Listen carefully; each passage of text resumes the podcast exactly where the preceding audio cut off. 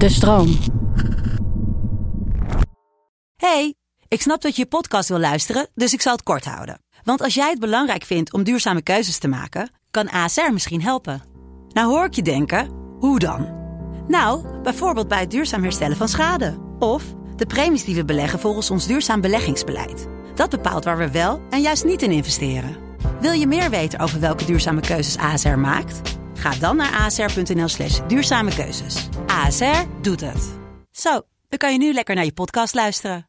Hey, ik snap dat je je podcast wil luisteren, dus ik zal het kort houden. Want als jij het belangrijk vindt om duurzame keuzes te maken, kan ASR misschien helpen. Nou hoor ik je denken, hoe dan? Nou, bijvoorbeeld bij het duurzaam herstellen van schade. Of de premies die we beleggen volgens ons duurzaam beleggingsbeleid. Dat bepaalt waar we wel en juist niet in investeren. Wil je meer weten over welke duurzame keuzes ASR maakt? Ga dan naar asr.nl slash duurzame keuzes. ASR doet het. Zo, dan kan je nu lekker naar je podcast luisteren. Een cirkel van een effe kleur. Ja, die kan je alle kanten opdraaien. Die kan je zo, zoveel roteren als je wilt, maar hij blijft hetzelfde. Het schijnt ook dat daarom het boerenprotest in Japan nooit echt van de grond gekomen is, hè?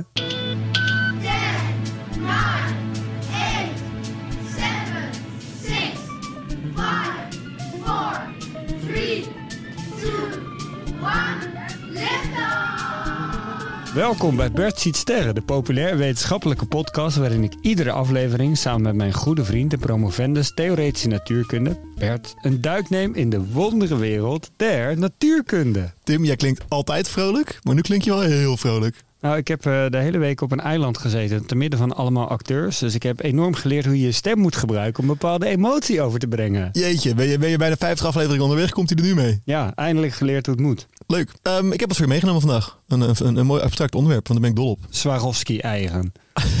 Ook een mooi abstract onderwerp. Nee, wil je meer gokken? Is het natuurkundig? Zeker, maar het is ook algemeen. Het is een mooi principe wat niet alleen in de natuurkunde terugkomt, maar ook heel erg in de natuurkunde terugkomt. Genaamd Zwaartekracht. symmetrie. Ah, symmetrie. Ja, Leuk. Ja, waarom ga je dat? Oh.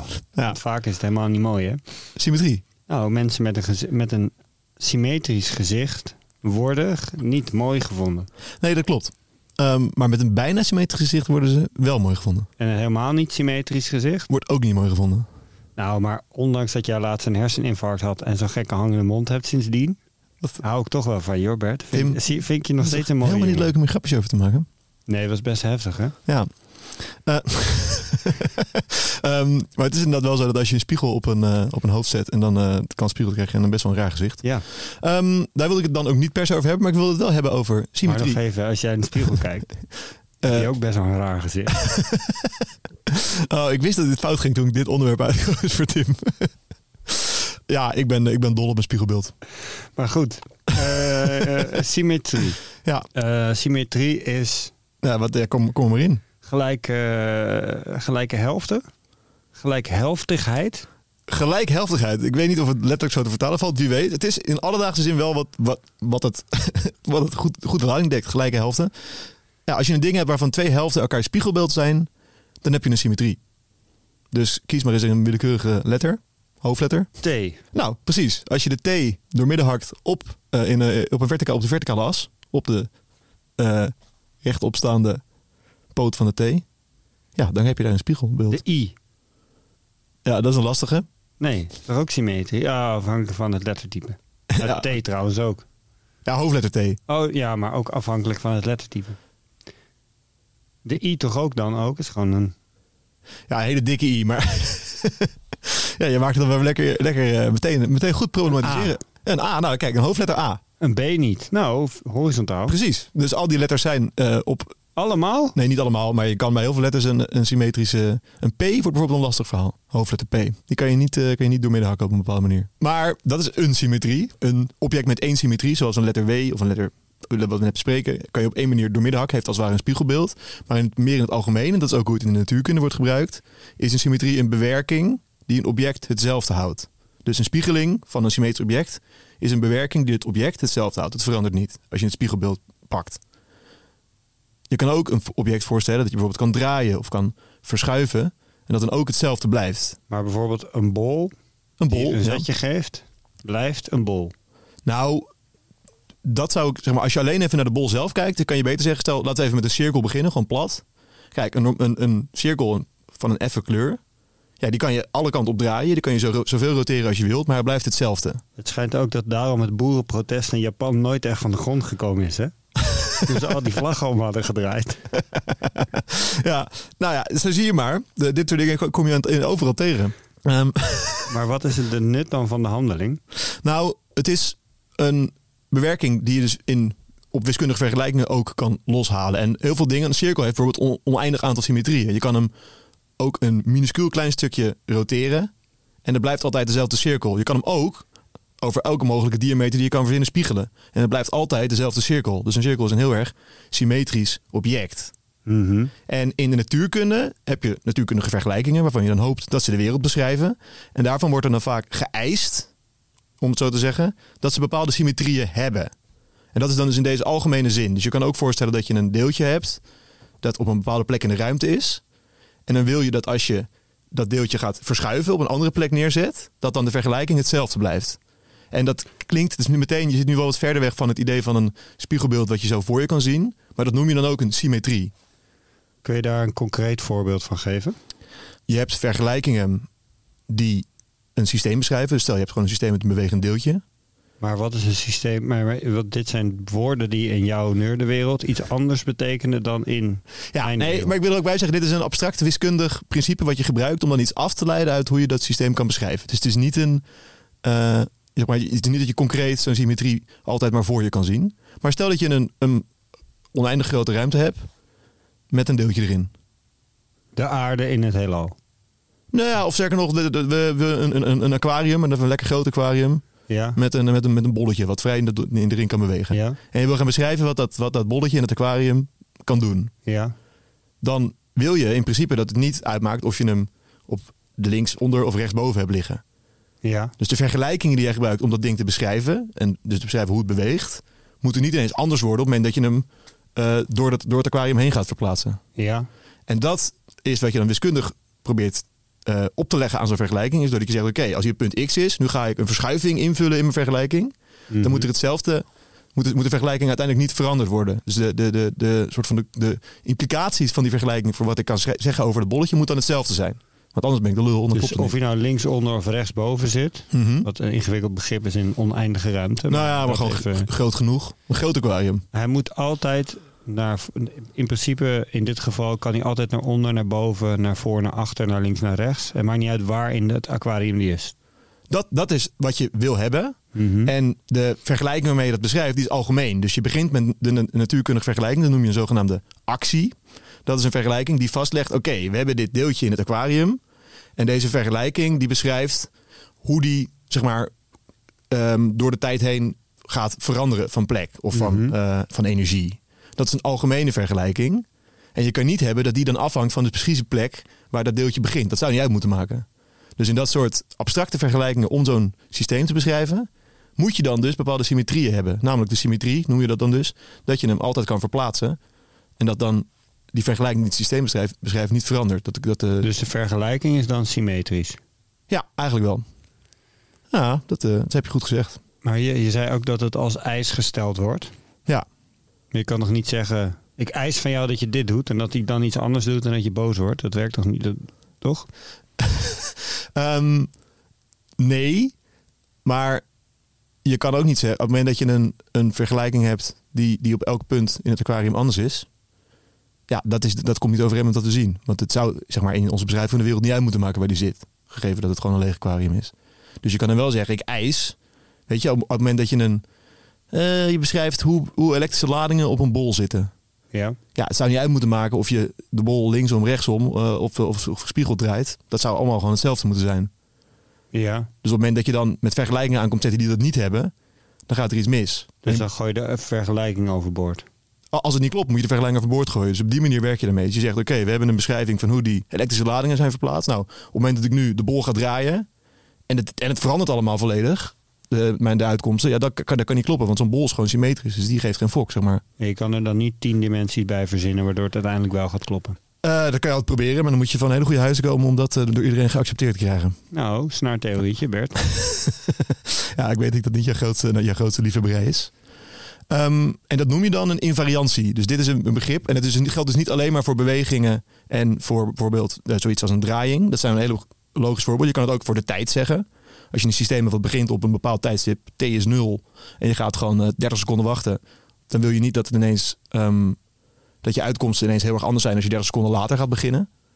Aangenomen dat er niet iets heel raars gebeurt in de tussentijd. Maar dan Eh. zou jij dus niet te vatten zijn in een natuurkundige vergelijking. Want? Nou ja, als ik jou s'avonds laat spreek, dan eh, ben je meestal in zekere staat.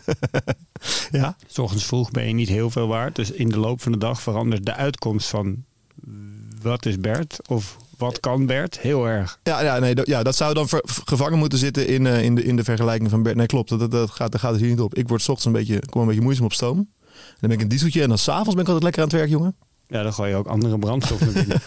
En zeg maar, spiegelingen, verplaatsingen, dat kan je nog voor je zien. Maar inderdaad, ja, je noemde dat weer snaartheorie, daar gaan we het verder niet over hebben. Maar theoretische natuurkundigen, die zijn natuurlijk wel eh, wat abstracter bezig met wiskunde dan louter met eh, verplaatsingen. Dus je hebt ook nog heel veel andere symmetrieën. En dat zijn wel echt meer wiskundige symmetrieën die je dan toch gaat opleggen aan die vergelijkingen. Waar je wel weer vervolgens uitkomsten uit kan krijgen die je kan meten. Maar dan wordt het meteen weer abstract. Dus het is niet alleen maar draaiingen. Maar dit zijn wel de bekende voorbeelden die, ook echt, die er echt zijn. Draaiingen, verplaatsingen, invariantie in de tijd. En eh, wat levert dat op? Ehm, nou, het mooiste principe wat hierachter zit, is dat, dat deze, het, het opleggen van deze symmetrieën behouden grootheden eh, tot gevolg heeft. Mhm. Nou ga ik jou vragen, wat is een behouden grootheid? Het is een mooi natuurkunde jargon. Eh, een grootheid die behouden blijft. Eh, heel goed. Noem er eens één. Energie. Nou, Tim, lekker bezig. Dus een behouden grootheid is inderdaad iets wat niet verloren kan gaan in een systeem. En Maar als jij 's ochtends wakker wordt ja, en je bent eenmaal op gang, Ja. dan heb je meer energie dan op het moment dat je naar bed gaat, toch? Dus waar is die energie ja, dan? ik ben geen gesloten systeem, want ik eet en ik drink. En Oh. ik, dus je moet het even een, een Wat is wel een gesloten systeem? Nou, ja, een, een perfect gesloten systeem is niet te creëren. Maar eh, je kan wel je best doen om zoveel mogelijk eh, effecten van, van buiten buiten te houden. Dus zo'n heel groot aquarium waar je, eh, wat je voor de rest helemaal leeg houdt. Dat kan je. Een goed geïsoleerd huis. Een heel goed geïsoleerd huis, huis wordt al sneller een gesloten systeem. Nooit helemaal natuurlijk, maar goed. Eh, en daar voor dit soort, voor dat En soort, daarbinnen blijft energie behouden. Als je het perfect isoleert, blijft energie behouden. Maar er is niks in de wereld perfect geïsoleerd. Maar bij benadering blijft energie dan behouden. En wat zegt dat dan? Nou, het gaat, die symmetrieën gaan wederom over hoe we dit willen beschrijven. Dus stel dat ik heb een vergelijking weer van mijn perfect geïsoleerde huis. Dan is er een belangrijk verband. Dus op het moment dat ik ga zeggen, oké, ik wil dat dit in de tijd, zeg maar, dat, dat het niet uitmaakt op welk precies tijdstip ik ga kijken. Dat dan op zich mijn beschrijving van het huis hetzelfde blijft. Op het moment dat je dat aan de wiskundige vergelijkingen gaat opleggen, dan volgt daaruit dat, hey, de vergelijkingen geven nu als uitkomst, energie is behouden. Dus dat is echt een manier om zeg maar, de wiskunde, de wiskundige vergelijking in verband te brengen met dit soort concepten in de echte wereld. Wil ik nog, nog meer behouden grootheden. Ehm, ja, zeg maar, vaak in een systeem is bijvoorbeeld ook de impuls behouden. Dus dat is de massa keer de snelheid van een bepaald object. Die kan je net, zeg maar, het biljartballen idee. Mhm. Als de ene biljartbal op de andere biljartbal botst in een perfecte wereld, zou alle massa en snelheid dan een soort van. Ehm, Eeuwig blijven doortikken. Zeker, ja. Want dan nemen we de wrijving even niet mee. Precies. En dat geldt bijvoorbeeld ook voor draaiende dingen. Heb je ook een zo'n impuls die behouden is. Dus al dat soort dingen kan je afleiden door symmetrieën. Het tolletje uit Inception, Precies. Nou, dat, is, dat is er eentje die eh, toch? ja, ja, eeuwig door blijft gaan. Eh, dan wil ik naast de, daarnaast de physical fun fact even gebruiken om even iemand in het zonnetje te zetten. Physical fun fact. Het verband tussen symmetrie en behouden grootheden werd het eerst geformuleerd door de Duitse wiskundige, of ook wel een beetje natuurkundige misschien, Emmy Neuter, rond het jaar 1915. Het heette dan ook eh, de wet van Neuter. Deze wiskundige wordt gezien als een van de meest belangrijke vrouwen in de geschiedenis van de wiskunde. Dit wilde ik gewoon even noemen als tegenwicht tussen al die keren dat we hier over Stephen Hawking en Albert Einstein en dat soort figuren zitten. Het is heel slecht gesteld met jouw wereld, Bert. Hoezo? Dat jij een speciaal moment nodig hebt om een vrouw in het Ja, toen ik dit, dit voorbereid dacht ik ook dat is zo. Maar aan de andere kant denk ik toch dat het goed is om het eventjes wel te, te benoemen. Ja, dat is waar. Op het, moment, op het moment dat ik het namelijk over de relativiteitstheorie heb, dan zeg ik ook steeds van hé, hey, kijk, Einstein, weet je. Hoe zit dat nu? Want in de filosofie zijn ze heel erg bezig met vrouwelijke filosofen en vrouwelijk denken. Mhm. Ehm, en als je in de traditie wil scharen, is dat een beetje ingewikkeld, omdat dat een traditie is van dode witte mannen die naar andere dode witte mannen verwijzen en weinig anderen aan het woord laten. Filosofie. Ja? Ja. En hoe zit dat in de natuurkunde? Eh, nou, daar, is- daar is het heersende be- denkbeeld toch wel dat de inhoudelijke kennis losstaat van de persoonskenmerken. Of dat, een, of dat zo is, is een tweede. Daar gaan we het nu misschien niet over hebben. Eh, dus daar is het gewoon vooral het idee dat er meer vrouwen nodig zijn in universiteiten en op, als hoogleraren en op dergelijke Maar waarom zijn die nodig als de kennis losstaat van de personen? Eh, omdat het wel zo aardig is dat eh, iedereen, ongeacht eh, wie je bent, een kans heeft om een wetenschappelijke carrière te maken. Ja. Hè? Dat, dat lijkt me toch duidelijk. Een soort woke disclaimer eigenlijk dit, hè? ja, dat heeft eigenlijk vrij weinig met symmetrie te maken verder. Weet ik dan inmiddels genoeg? Nu we even een vrouw in het zonnetje gezet hebben en symmetrieën behandeld hebben om de space elevator in te stappen. Ik denk van wel. Ehm, ik ben benieuwd of, je het, of jij het nog een beetje, een beetje kan reproduceren eigenlijk. Nou, het zou dus niet uit moeten maken of ik eh, halverwege of bovenaan in de lift ben gekomen voor wat ik weet. Of nou, de, dan is de, het symmetrisch. de, on- de beschrijving, ja, de, de overkoepelende beschrijving, daar zou het niet uit voor moeten maken. Dan eh, stap ik in de space elevator. Dan start ik mijn supersonische sports watch. En dan hebben wij het over symmetrieën. En de alledaagse betekenis van symmetrieën is dat eh, iets symmetrisch is wanneer twee helften elkaar spiegelbeeld zijn. En daarbij kun je denken aan eh, een cirkel of een vierkant of de letter W. In de natuurkunde betekent het, zo, het betekent het dat iets symmetrisch is wanneer je een vergelijking iets verandert en de grondbeginselen hetzelfde blijven. Dus concreet gezien is het zo, maakt het niet uit voor de beschrijving van een bolletje in een heel groot aquarium of ik linksonder het bolletje beschrijf of rechtsboven. Het bolletje blijft dezelfde mogelijkheden hebben binnen het aquarium. En dat is een natuurkundige symmetrie. En ehm, dat levert bijvoorbeeld de wet tot behoud van grootheden op dat eh, in een perfect geïsoleerd huis de hoeveelheid energie altijd hetzelfde blijft. Dingen zijn in de echte wereld nooit ehm, echt perfect geïsoleerd of een afgesloten systeem. Dus er is nooit absoluut behoud van grootheden. Maar theoretici trekken zich daar niet zoveel van aan. En blijven gewoon lekker rekenen met perfecte systemen. En daarbij geldt wel, dankzij symmetrieën, dat er sprake is van behoud van grootheden. Min of meer, ja. Je kan door deze symmetrieën te gebruiken afleiden dat er bepaalde behouden grootheden moeten zijn. En dat kan je dan vervolgens eh, gaan testen. Of in ieder geval in verband brengen met dat we, wat, we, wat we zien. En eh, daarvoor ging het over wat een symmetrie nou is op een vergelijking. Dus het is een transformatie op een vergelijking die beschrijft hoe een systeem werkt. En als je dus zegt, oké, ik heb een overkoepelende beschrijving voor een deeltje in een aquarium. Dan ga ik, als ik die overkoepelende omschrijving eh, een transformatie doe en zeg, oké, nu, nu ga, ga ik de, de positie veranderen. Dan moet het, de hele overkoepelende beschrijving hetzelfde blijven. Dat is, het- dat is het eh, correcte manier om het te zeggen. En dan kan je daarna specifiek gaan uitrekenen wat er voor een specifiek deeltje gebeurt. Maar die overkoepelende beschrijving moet invariant zijn onder bepaalde symmetrieën. Ehm, ik denk dat ik die eh, exacte verwoording even aan jou laat. Ja, nou dat... dat Maar zeker niet slecht, toch? Nee, nee, nee, Tim. Je, mag, je mag best wel weer trots zijn. Nou, dankjewel. Dan was dit Bert ziet sterren. Wil jij nou voorkomen dat onze afleveringen voor eeuwig in hun spiegelbeeld gevangen blijven? Klik dan op volgen in je favoriete podcast-app.